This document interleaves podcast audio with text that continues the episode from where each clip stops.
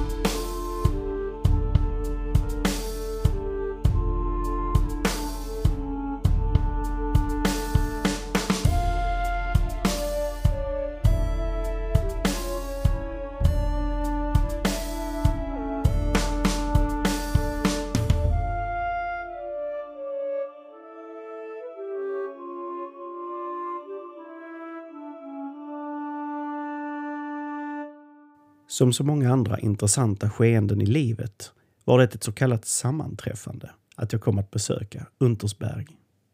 Jag säger så kallat då jag sedan länge slutat tro på sådana saker.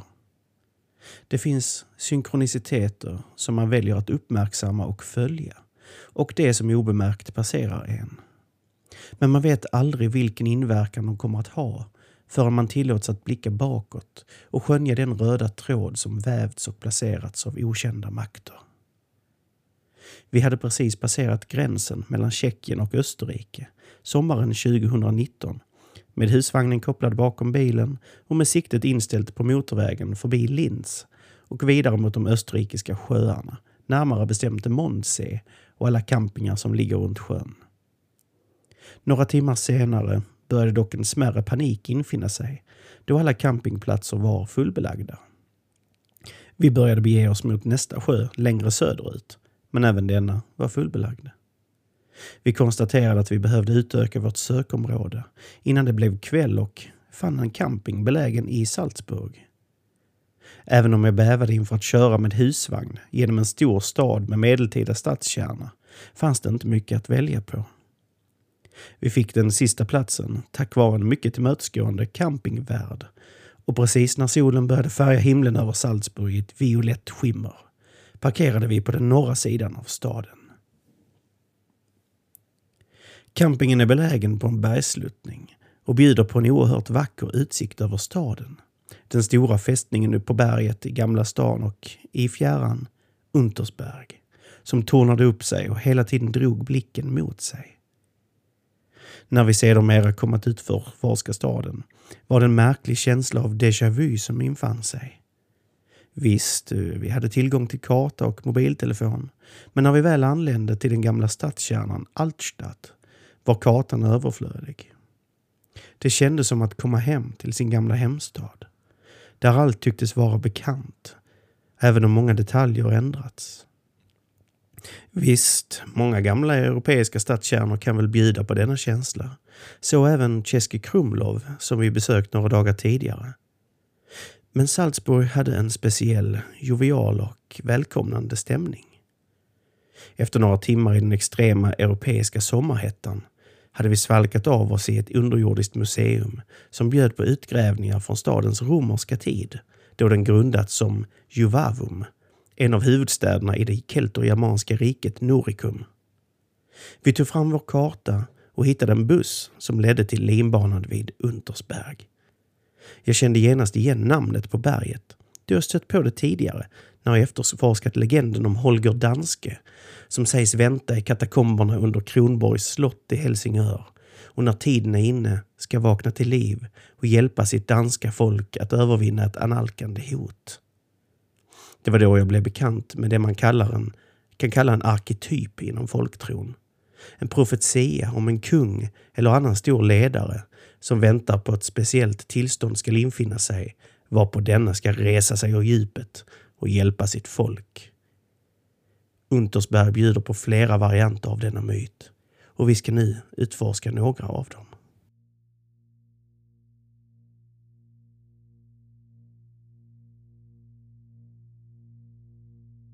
En av de mest omtalade att vänta i djupet under berget är kejsaren Fredrik Barbarossa.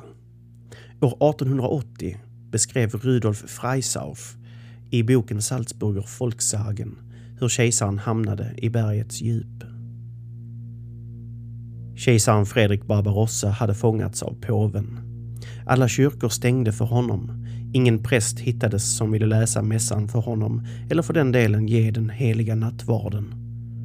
Kejsaren kom till Salzburg för att hitta fred, men han fann henne inte. På Weisserfältet träffade han istället ärkebiskopen i Salzburg och ett våldsamt gräl ägde rum mellan dem. Det slutade med att ärkebiskopen förbannade honom och förklarade Kejsaren ska inte hitta någon tjänst hos Gud förrän päronträdet på Weisserfältet återigen har löv och blommor. Därefter fällde han trädet så att det föll på marken framför kejsarens fötter. När påsken kom ville inte kejsaren störa den heliga festivalen eller ge den kristna tron någon olägenhet och valde istället att ge sig ut på jakt. Han tog på sig en värdefull mantel som sänts åt honom från Indien, tog en flaska doftande olja och red ut på sin spänstiga hingst. Emellertid kände ingen till kejsarens verkliga avsikter. Jaktlaget försvann snart ut i skogen och bara ett fåtal av hans följare kunde hänga med den kejserliga mästaren. Där, i en glänta i skogen, tog kejsaren Fredrik plötsligt fram ett lillfinger och höll det i sin hand, varpå han plötsligt försvann framför ögonen på sina kamrater. Förgäves utforskade hans följeslagare skogarna, genomsökte ravinen och ropade hans namn. Han var och förblev borta. Och sedan dess har kejsaren Fredrik Barbarossa bott i Untersberg.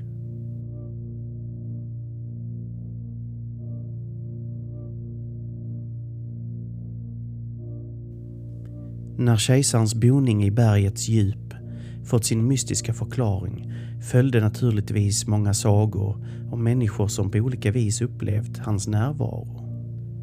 Ofta är det vanligt folk som lär sig en viss moralisk läxa om givmildhet, som i sagan om kejsar Fredrik och herdepojken, nedtecknad av Adrian Karl i boken Alte Sagen aus dem Salzburgerland 1945. En herde ledde sin flock hem i natten längs foten av berget. Han blåste ett muntert stycke efter ett annat i sin flöjt och han hade precis avslutat ett stycke när han ropade “Kaiser Fredrik, jag gjorde det för att hedra dig. Så snart han yttrat dessa ord steg plötsligt en liten man ut från berget och vinkade åt honom att följa med, vilket herden gjorde. När de vandrat en god stund kom de till en järndörr i berget som ledde in i en stor, magnifik sal. Många modiga och ädla herrar satt samlade runt Fredrik med det röda skägget och tjänade honom. Herden kunde inte tro sina ögon. Kejsaren frågade honom vad ska lönen vara för din låt? Herden svarade blygsamt. Jag hävdar inte någon. Som svar bröt Fredrik av en fot från ett gyllene handfat och gav det till herden. Därefter gjorde han tecken åt sin tjänare att följa herden ut genom salen och visa honom hela palatsets och dess härligheter. Under sin vandring såg han ett stort utbud av vapen av alla slag som tjänaren sa att kejsaren och hans jaktlag en dag skulle beväpna sig med för att återställa sina rättigheter. Herden lämnade sedan Untersberg och återvände till sin hemby. Han förvandlade sin gyllene fot till pengar och blev en mycket rik man. Han glömde aldrig de fattiga och berättade för dem om sin rikedom. Guds välsignelse var också på honom och hans hus och de saknade ingenting. Men när han dog övergick alla hans pengar till hans släktingar som, då de plötsligt blev rika, föll för den arroganta djävulen varpå rikedomarna snart bleknade och de alla slutade som tiggare.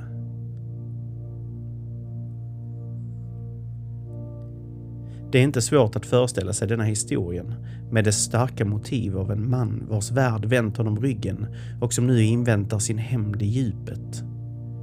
Intressant är också hur denna kejsare i en starkt kristen värld använt sig av okultism och magi för att försvinna och ta sin boning i berget. Och framför allt hur han likt Oden sägs rida i vinternatten med sitt jaktlag och att den som möter dem ska gå ett digert öde till mötes.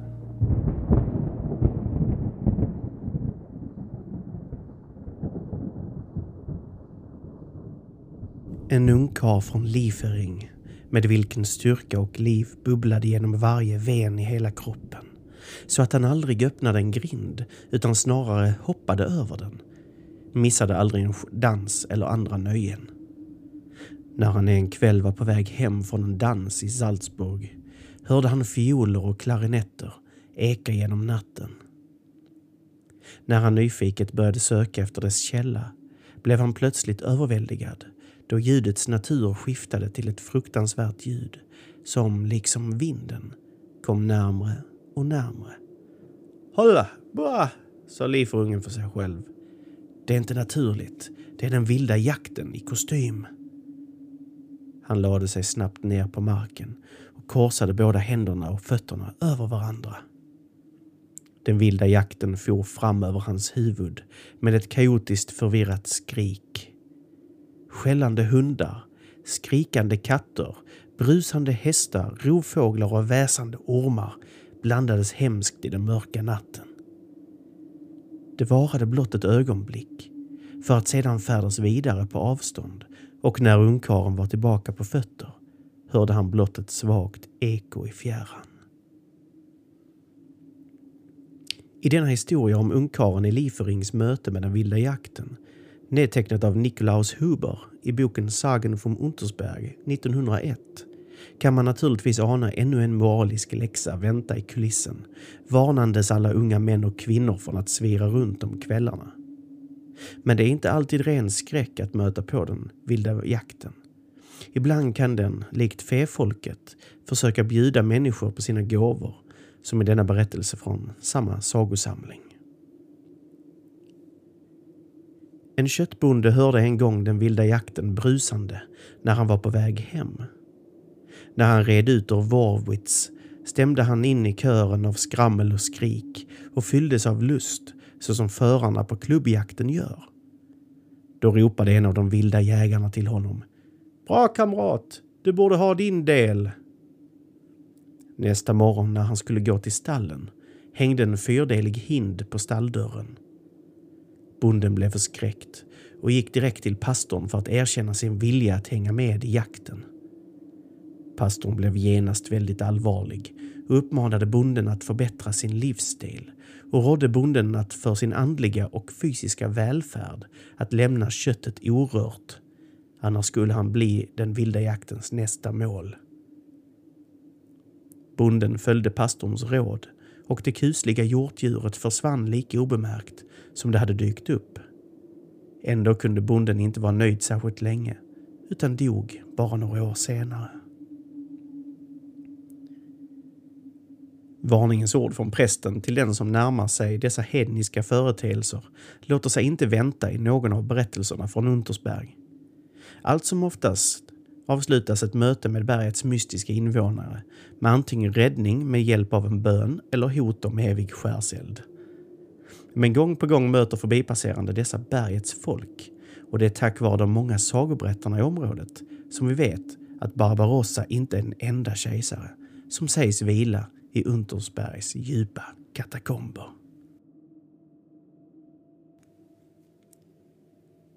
Djupt inne i bergets salar vilar en av de mäktigaste kejsare som levt i Europa. Karl den store.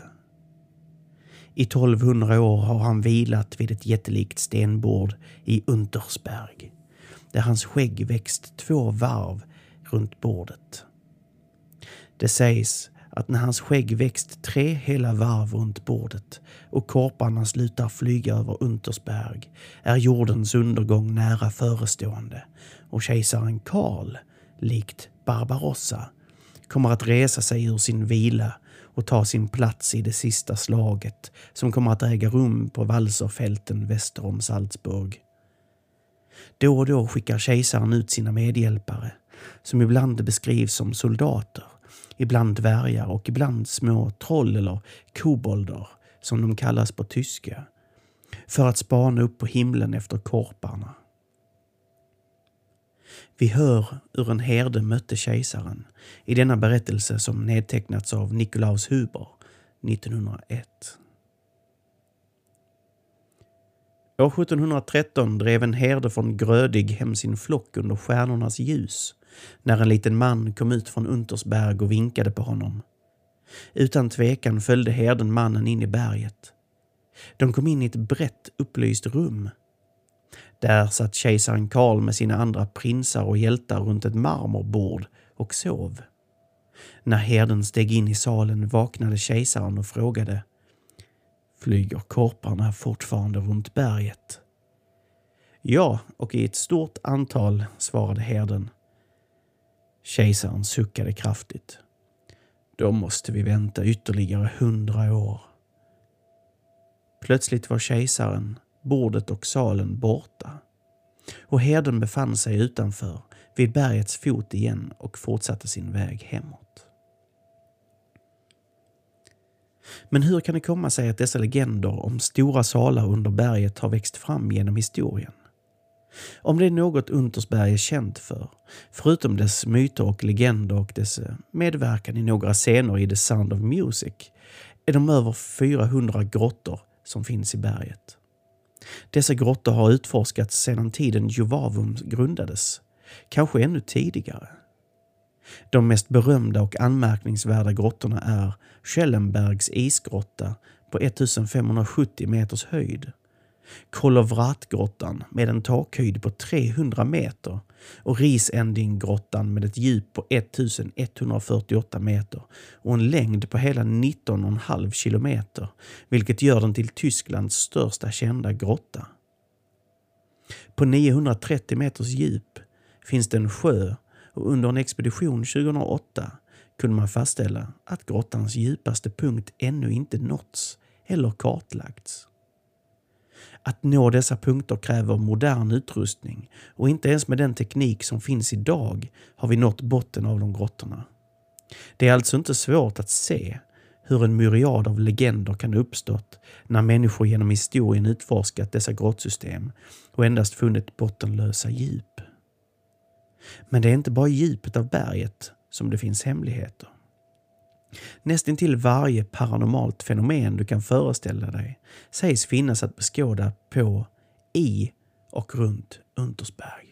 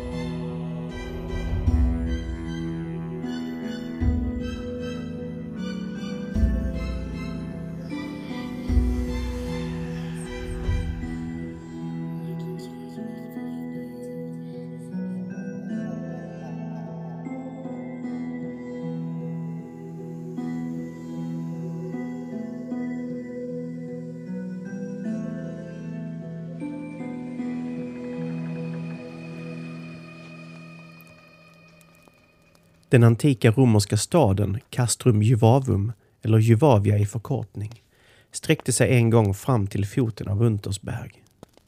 Kejsaren Julius Caesar anses vara grundaren av fortet, som anlade det för att skydda det romerska riket mot de mäktiga teutonerna och försåg det med en stark garnison medan kejsaren Hadrianus själv sägs ha bosatt en romersk koloni där. Denna stad blomstrade till en otänkbar storlek på bara några år och spred sig långt utöver de områden där dagens gamla biskopsstad Salzburg ligger. Men stadens explosiva expansion ökade syndbördan på befolkningen som snart slutade att hedra gudarna och hängav sig åt alla slags laster så att Guds straffrättsliga dom slutligen bröt ut över den syndiga staden. En förskräcklig och fasansfull natt sjönk hela staden och dess invånare med både man och mus och ersattes av en bred karg myr som fortfarande sträcker sig längs det undre berget i ett oförutsägbart område. Det är inte särskilt trevligt där på natten eftersom spöken gör sitt kusliga tillhåll där och frestar den intet ont anande vandraren för att sedan dra ner honom i de ofattbara djupen. Ärkebiskop Johan Ernest, greve av Thun, letade efter den sjunkna staden på heden. Han fann en gammal mur som löpte ner från Mönchsberg nära slottet och vingården och ansåg att denna var en ruin av det gamla Juvavia samt en inskription i sten som utgör grunden för denna saga. Denna berättelse om den spöklika heden som omger Untersberg nedtecknades av Rudolf von Freisauf i boken Salzburger Folksagen 1880 och beskriver hur andarna från de forna romerska bosättarna ännu sägs vandra kring myren. I detta gränsland som omger berget tycks aldrig de döda få ro, utan kan ses vandra genom natten, som i dessa sagor berättade av Nikolaus Huber respektive Rudolf von Freisauf. På hösten år 1860 såg bönderna i Gern folk från Untersberg passera sina hus i ett långt led.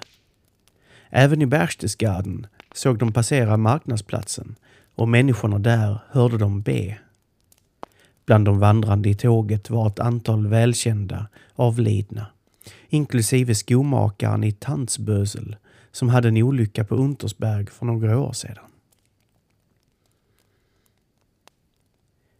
Josef Klapf arbetade som stenbrytare på Untersberg. Efter en hård dags arbete vandrade han hem från Glanegg på en klar månbelyst sommarnatt.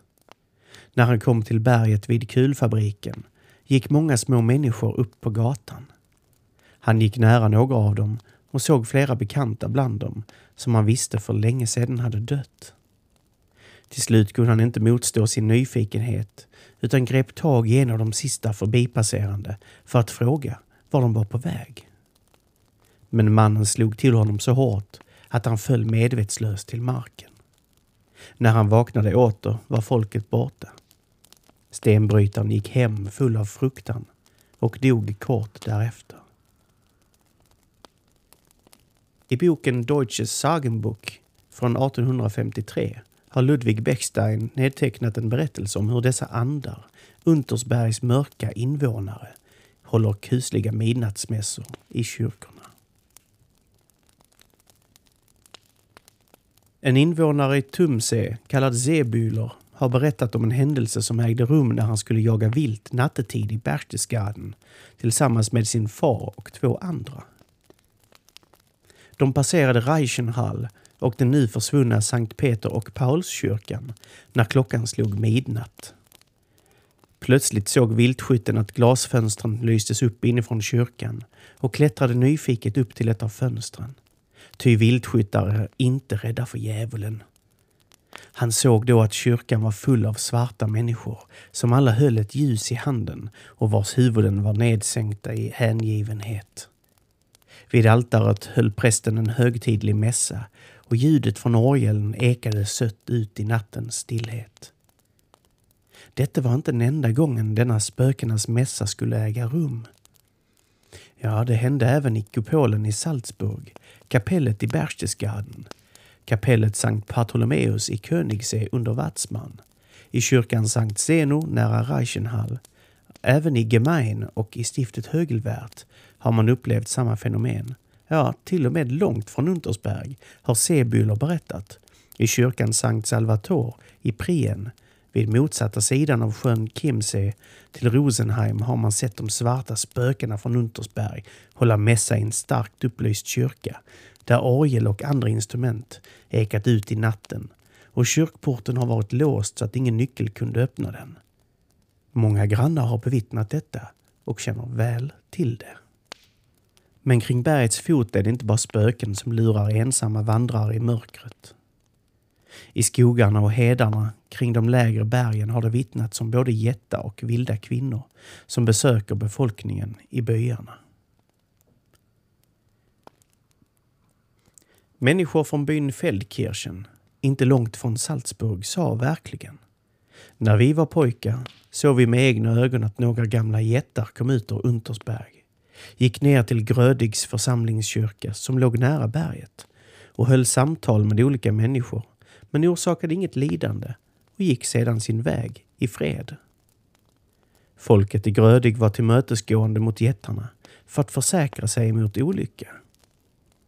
Samtidigt berättade människorna i området att kvinnor av vild natur kom till Grödig från Untersberg. Detta efter att pojkarna och flickorna där hade hittat ett hål i berget och lagt ut bröd och ost vid öppningen. Sådana vilda kvinnor kom också till Grödig för att skära vete och korn. De kom ner mycket tidigt på morgonen och på kvällen. När de andra var på jobbet gick de tillbaka in i Untersberg utan att äta sin kvällsmåltid. En dag hände det att en bonde arbetande på fältet nära Grödig hade lagt sin lilla son på hästen. Då kom de vilda kvinnorna från Untersberg för att ta den kära pojken. Men fadern, som redan kände till berget och de händelser som ägt rum där, skyndade utan rädsla till kvinnorna och tog pojken ifrån dem med orden. Vad tror du att du gör? Ska du ta min pojke nu? Vad ska du göra med honom? De vilda kvinnorna svarade. Han kommer att ta bättre vård med oss och kommer att bli bättre med oss än hemma. Pojken skulle vara väldigt kär för oss och han kommer inte att skadas. Fadern släppte inte pojken ur sina händer och de vilda kvinnorna lämnade bittert gråtande. Återigen kom de vilda kvinnorna ned från Untersberg till närbelägna Kugelstadt, även kallat Kugelmill, som ligger så vackert där på kullen. De rövade bort en liten pojke som höll betande boskap. Ett år senare såg träarbetarna samma pojke sittandes på en trädgren uppe på Untersberg i en fin grön klänning. De berättade skyndsamt vad de sett för pojkens föräldrar. Och nästa dag gav de sig alla ut för att leta på samma plats. Men pojken hittades aldrig igen. Det har hänt flera gånger att en vild kvinna från Untersberg gick ner mot byn Arnif som ligger en bra halvtimme från berget. Där gjorde hon hål och avlagringar i jorden. Hon hade väldigt långt och vackert hår som nästan nådde fotsulorna. En bonde från byn såg ofta den här kvinnan komma och gå och blev förälskad i henne, främst på grund av hårets skönhet. Han kunde inte låta bli att gå till henne tittade på henne med glädje och slutligen, i sin enkelhet, lägga sig i hennes säng utan att tveka. De sade aldrig något till varandra, än mindre att de gjort något felaktigt.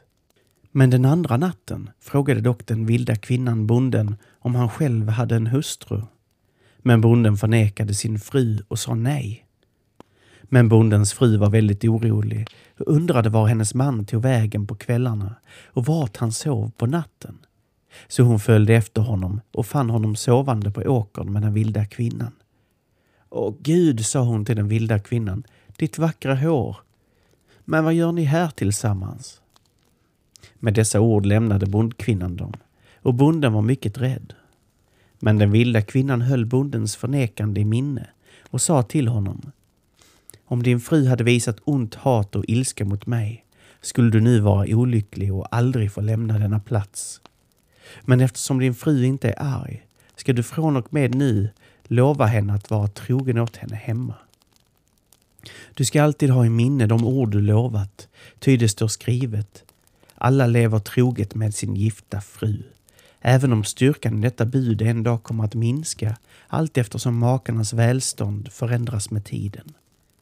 Här, ta min guldsko från mig, gå och se dig aldrig om. Dessa korta sagor, nedtecknade av bröderna Grimm i boken Tyska legender 1816, beskriver klara kopplingar till det vi skulle kunna kalla fefolket.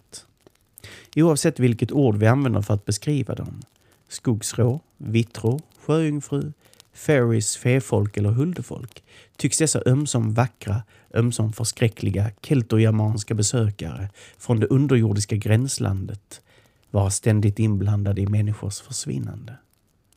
Och likt andra platser där fefolket sägs ha sin boning förekommer det märkliga tidsfenomen vid Untersberg.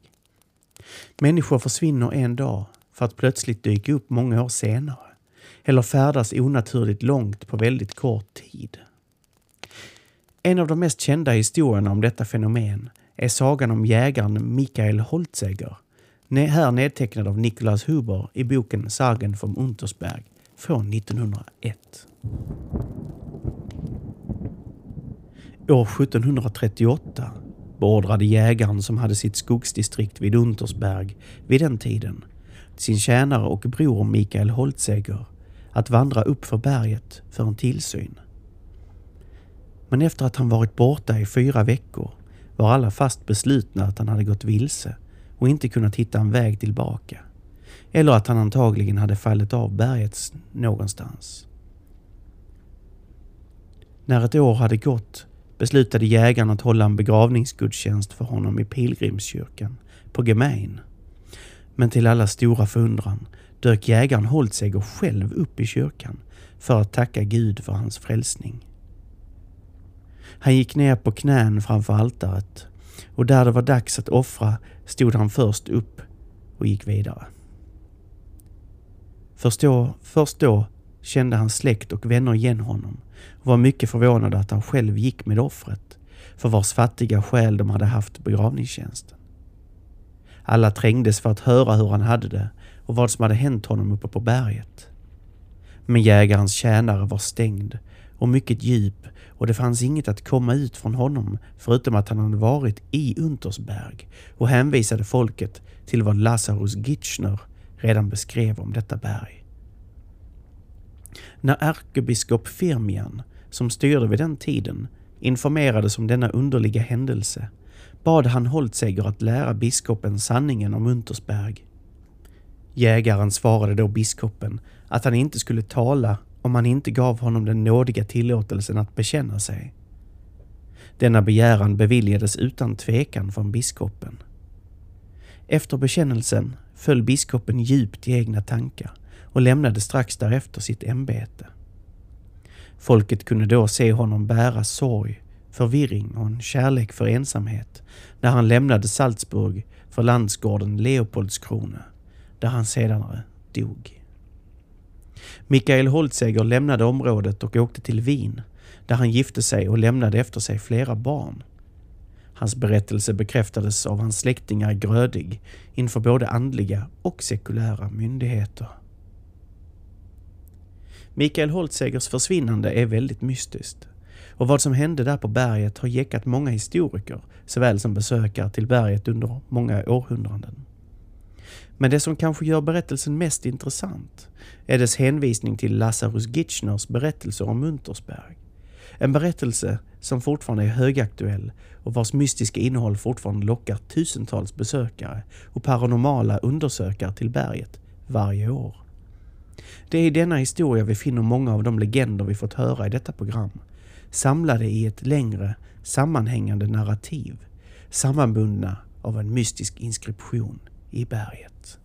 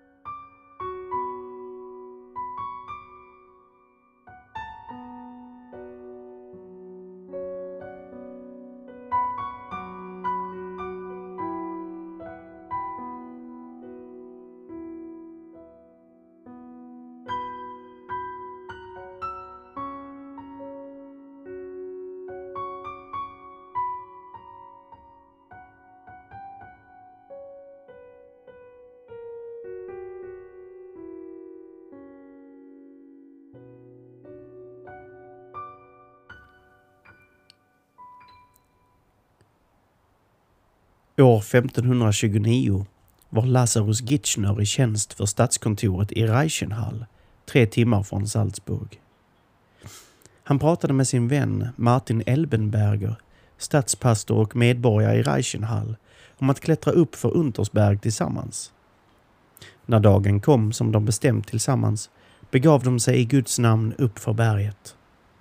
De kom till en klyfta som kallas den höga tronen. Det fanns ett manuskript med silverbokstäver inristade i en sten som de tittade på och läste under lång tid utan att kunna avslöja deras betydelse och innehåll. Efter att ha klättrat en längre tid på berget åkte de hem. När de kom hem diskuterade de vad de hade sett och pastorn beordrade Lazarus Gitchner att klättra upp på berget igen och föra skriften tillbaka på papper. Lazarus klättrade upp på berget redan nästa dag. Det var den sista av de sju dagarna under hösten som tillägnats jungfrun och kopierade bokstäverna exakt och tydligt så som de följer här. S. V. R. G. E. T. S. A. T. V. M. När han var färdig med sitt arbete hade det blivit kväll. Och eftersom han inte kunde färdas hem i mörkret stannade han i ravinen över natten. Detta hände en onsdag. När han vaknade åter på torsdagsmorgonen och öppnade sina ögon såg han plötsligt en barfota munk som stod framför honom, läste ur en bok och bar ett knippe nycklar över axeln. Munken sa till Lazarus, Var har du varit och vart är du på väg?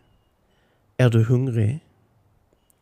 Då tänkte den senare, nu kommer jag att få guld och bli en rik man. Så han berättade för munken om sin åsikt och sin vilja med all konfidentialitet. Munken sa till Lazarus, Gå med mig, det kommer att gynna dig och dina medmänniskor. Jag kommer också ge dig tillräckligt för att äta och dricka och visa dig vad bokstäverna i denna ravin betyder. De gick från platsen där de hade talat tillbaka till den höga tronen. Där munken öppnade en järnport i berget och ledde Lazarus genom den till en plats där det fanns ännu en port och en stenbänk. Här, sa munken, lägg din hatt på denna bänk, för det är här du kommer ut. Så länge du är där inne, säg inte ett ord till någon. Någon kan säga det till dig och fråga dig vad han vill, men du kan bara prata med mig. Men kom ihåg allt du kommer att få se och höra. Efter dessa ord gick de båda genom porten. Då såg Lazarus ett stort torn med en klocka prydd med guld. Munken sa, se vilken timme pekaren är på. Klockan var sju. De fortsatte och Lazarus såg en vacker, fantastisk byggnad med två klocktorn, likt ett kloster. Den stod på en vacker grön och bred äng som var prydd med skuggiga fruktträd, fulla av de mest utmärkta frukterna och slingrades av strömmar av rent silver, varav den ena leddes till byggnaden i en stor marmorbrunn med två mässingsrör.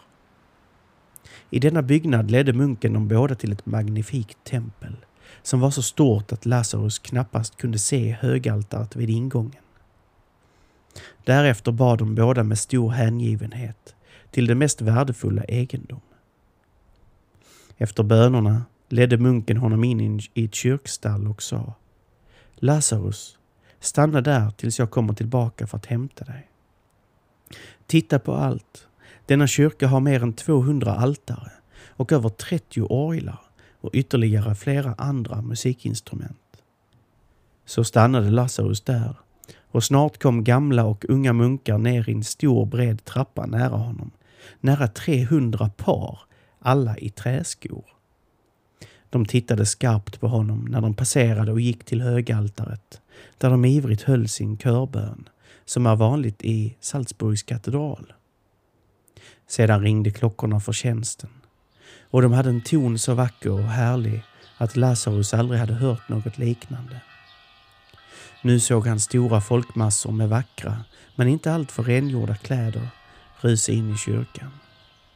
Därefter började munkarna läsa mässor vid alla altare och höll även mässa vid högaltaret och alla orglar och andra musikinstrument lät högt och strålande så att Lazarus inte kunde tänka annat än att han hade hamnat i himlen. När tjänsten var avslutad lämnade alla människorna kyrkan igen och munkarna lämnade också kören och gick upp för trappan de kommit ifrån. En stund senare kom munken tillbaka till Lazarus och sa till honom Stå inte där, nu ska vi gå ut och äta. När klockan slagit tolv ledde munken Lazarus upp för tidigare nämnda trappa som bestod av inte mindre än 80 trappsteg i vacker marmor för att sedan leda dem in i en stor främre byggnad med höga fönster på båda sidor från vilken han såg ner på den stora breda ängen som byggnaden stod på.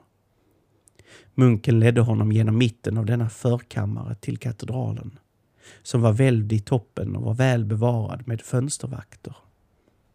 Det fanns långa, fantastiskt snidade brädor där. Vid dörren satte munken Lazarus vid ett bord och sa Lazarus, stanna där nu så ska jag ge dig mat och dryck. Men när han gick för att hämta mat såg Lazarus ner mot fönstret och såg folkmassor gå över den stora ängen från en skog till en annan. Under tiden kom munken med maten som bestod av kött, kål, korn och bröd tillsammans med en mugg med gott vin. Så här gott kunde man knappast väntas att bli behandlad i Sankt Peters kloster i Salzburg. Allt var vackert tillrätt och tallrik och bägare var väl rengjorda och gjorda av finaste tenn. Därefter beordrade munken honom att tacka Gud för måltiden och ledde honom sedan tillbaka till kyrkan i Vespers och ut ur den anthuset till katedralen där han och munken tittade ut genom fönstret på den vackra ängen där många gick fram och tillbaka på ett vänligt och gemensamt sätt. På frågan vem dessa människor var svarade munken.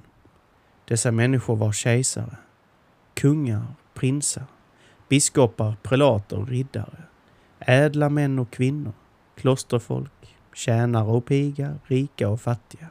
Alla lagliga människor som har argumenterat för att bevara den kristna tron. Bland dem fanns många som Lazarus själv hade känt, såsom ärkebiskopen Leonard von Keutschach i Salzburg, hertigen Albrecht i Bergen och hans hemmafru, prelater av Sankt Peter och Sankt Zeno och många andra, rika och fattiga. Gitschner frågade Vem är han som har den gyllene kronan på huvudet och staven i handen?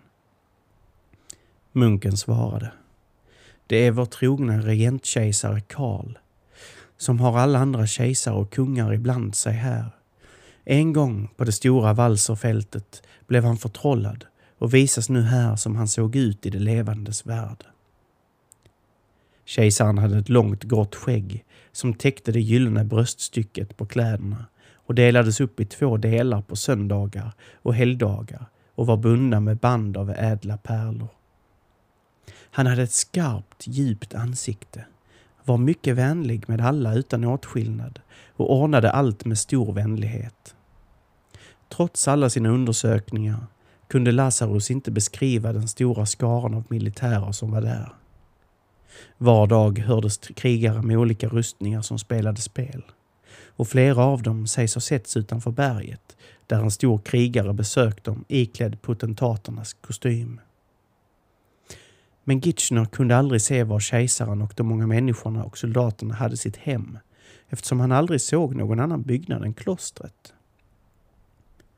Munken gav honom ingen information om detta utan snarare när han frågade vad som måste göras här fram till de sista dagarna av världen genom att säga Det är inte nödvändigt för mig och dig att veta. Ty vi har inte rätt att lurande undersöka Guds mysterier. Du har fri att gå ut eller att stanna. Gitchner bad om förlåtelse på grund av sitt beteende och förklarade att han ville stanna. Vid körens tid kom alla munkarna i ordning och bad och sjöng från böcker gjorda av naket trädbark. Efter kören tog alla frivilliga andliga överväganden. Lazarus fick därefter läsa böckerna. Efter detta gick munkarna in i det höga tornet genom vilket Gitchner hade kommit in i berget och som han beundrade så mycket för dess skönhet. Klockan var sju igen, som när han kom hit. Munken visade honom tolv stängda, järnbeslagna dörrar på båda sidor och sa Genom dessa dörrar går du till Sankt Bartolomeus i Berchtesgaden, till Salzburgs magnifika katedral, till Guds moders kyrka i Kirchental, till Feldkirchen, till Gemein och till den välsignade moderns kyrka. Till Seekirchen, till Max Glan, till Sankt Mikael, till Sankt Gilge, Sankt Zeno, Maria Egg i Bayern och till Sankt Peter och Paul. En gång fick Lazarus gå genom en av dessa dörrar med munkarna. De gick ner för långa trappsteg och efter en tids vandring sa munken Nu går vi djupt under en sjö. Sedan kom de till en kyrka där munkarna dyrkade med stor hängivenhet varefter de alla återvände till Untersberg. De följande nätterna besökte vi flera gudstjänster vilket märkligt nog kunde nås på kort tid och som alla hade fullt dagsljus, även om ingen sol var synlig. Lazarus fick veta att den första kyrkan som han hade besökt, som var helt okänd för honom, var Sankt Gilgens kyrka. När han senare var ute ur berget besökte han denna plats för tillbedjan för att övertyga sig själv om sanningen. Han fann att det verkligen var så. Men han kunde inte förstå hur han skulle ha kommit upp och ner genom kyrkogården. Munkarna hade lite tid att sova, men var alltid vaksamma och glada och höll sin dagordning. Lazarus var med dem i sex dagar, hade aldrig någon brist på varken mat eller dryck. Han såg munkarna äta och dricka, men väldigt lite och kunde inte riktigt berätta under denna tid om dessa Untersberginvånare var spöken eller ej, som det diskuterats så mycket om. Slutligen ledde munken Lazarus tillbaka till porten genom vilken han hade kommit in och sa till honom Nu är det dags för dig att återvända hem. Därefter beordrade han honom att vänta lite längre för att hämta två bröd åt honom så att han kunde äta på sin hemresa. När munken kom tillbaka med brödet stannade han hos Lazarus en stund och sa till honom Min Lazarus, du har nu sett konstiga saker med oss som du borde komma ihåg och skriva ner inom sin tid. Då välsignade han honom, uppmanade honom att leva gudomligt och trogen och förbjöd honom slutligen att berätta för någon vad han sett där i berget innan 35 år hade gått. Lazarus Gitchner gick raka vägen hem, förvånad över vad han hade sett och hört. Stadspastorn och stadskontoret ifrågasatte honom på grund av hans långa frånvaro och på grund av den depression och djuphet som greppat honom. Men han gav dem bara kopian av inskriptionen som fanns i ravinen och var annars tyst i hela 35 år. Strax efter denna tid närmade han sig slutet av sitt 65 år då det var tid att uppriktigt rapportera om vad som hade hänt där på berget med sunt förnuft och i närvaro av sin bekännare. Gitschner lämnade en legitim son, Johan, en bonde baserad i Bergheim nära Salzburg, som senare gillade att berätta det för alla vad hans far hade sett i Untersberg. Någon gång kring tiden för Lazarus Gitchners död upptäcktes en samling skrifter med tillhörande illustrationer. Dessa dokument beskrev och avtecknade i detalj den historia ni precis hört och man har därför antagit att dessa dokument ska vara Lazarus Gitchners egna verk. Det mest intressanta med dessa är dock beskrivningen av den inskription som gjorts i berget vid den del som kallades den höga tronen. Den är nämligen långt mer komplicerad och intrikat än vad som ofta berättats om i den muntliga traditionen och det i synnerhet denna mystiska inskription av många kallad Untersbergskoden som varje år lockar hundratals människor som söker svaret bakom dess kryptiska gåta. Den är alldeles för lång för mig att läsa upp här, men ni kommer att finna länkar till den i informationen till detta avsnitt. Vem vet? Kanske blir det just du som knäcker koden.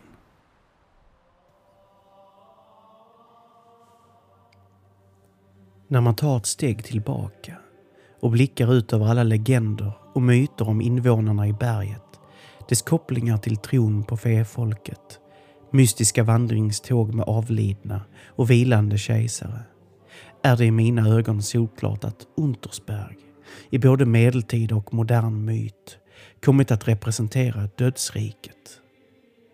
Underjorden, dit våra förfäders andar färdades och modiga själar kunde söka sig för att få svar på livets gåtor. Även om detta förstås inte var utan risk för sitt eget välbevarande. När man ser berget där på den tysk-österrikiska gränsen, i detta ljus, är det inte förvånande att dess övernaturliga dragningskraft, som lockar till sig andarna av både kejsare och bönder, lyckas locka till sig nyfikenheten hos en glad amatör som mig själv. Och kanske blir även ni lockade till dess inre ljus och det mysterium som står att finna i sagorna från Untersberg. Ni har lyssnat på säsong 3, avsnitt 4, Sagor från Untersberg, del 1. Detta avsnitt är skrivet och producerat av mig, Linus Borgström, under 2019 och 2020. I del 2 av detta avsnitt kommer vi att återvända till berget för att träffa de människor som i modern tid lockats till området och dess mystiska fenomen. De folksagor som presenterats i avsnittet är översatta från tyskan av mig och kommer längre fram att ges ut tillsammans med mer än 30 ytterligare sagor i en bok med målet att väcka internationellt intresse för berget och dess hemligheter. Denna plats som tycks ha varit en pilgrimsplats sedan urminnes tider. Om du vill stötta Folkpodden kan du bli medlem på vår Patreon-sida på patreon.com folkpodden och ta del av exklusivt innehåll Alternativt donera en slant via Swish på 0703 94 37 42. Du kan också köpa produkter med profilmaterial från Folkpodden samt andra designer av mig på vår webbshop Frontier Unknown. Länkar till detta och mycket mer finner du i show notes. Tack för att ni lyssnat. Vi hörs snart igen.